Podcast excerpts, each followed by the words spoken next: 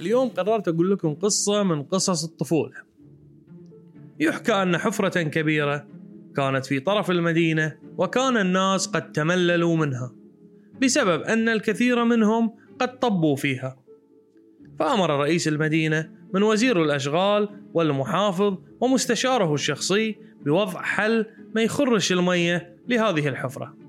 فذهب الثلاثي المرح إلى الحفرة وبعد المعاينة نط أبو العريف المحافظ وقال عندي حل الحفرة فقالوا له تفضل. فقال إحنا نجيب إسعاف ونوقفه عند الحفرة وكل ما يطيح واحد نوديه بالإسعاف للمستشفى. فقال الوزير لا لا لا لا أنا فكرتي أفضل من هذه الفكرة. إحنا نبني مستوصف صغير عند الحفرة وكل ما يطيح واحد يكون أقرب للمستوصف. وهنا صرخ وعصب المستشار. وقال لا شو الافكار إحنا نصك الحفرة بكبرها ونبني حفرة نفسها عند المستشفى. عشان إذا طاح أحد نودي المستشفى.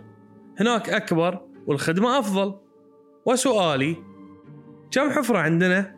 وكم واحد فينا يتعامل مع الحفر بنفس الطريقة؟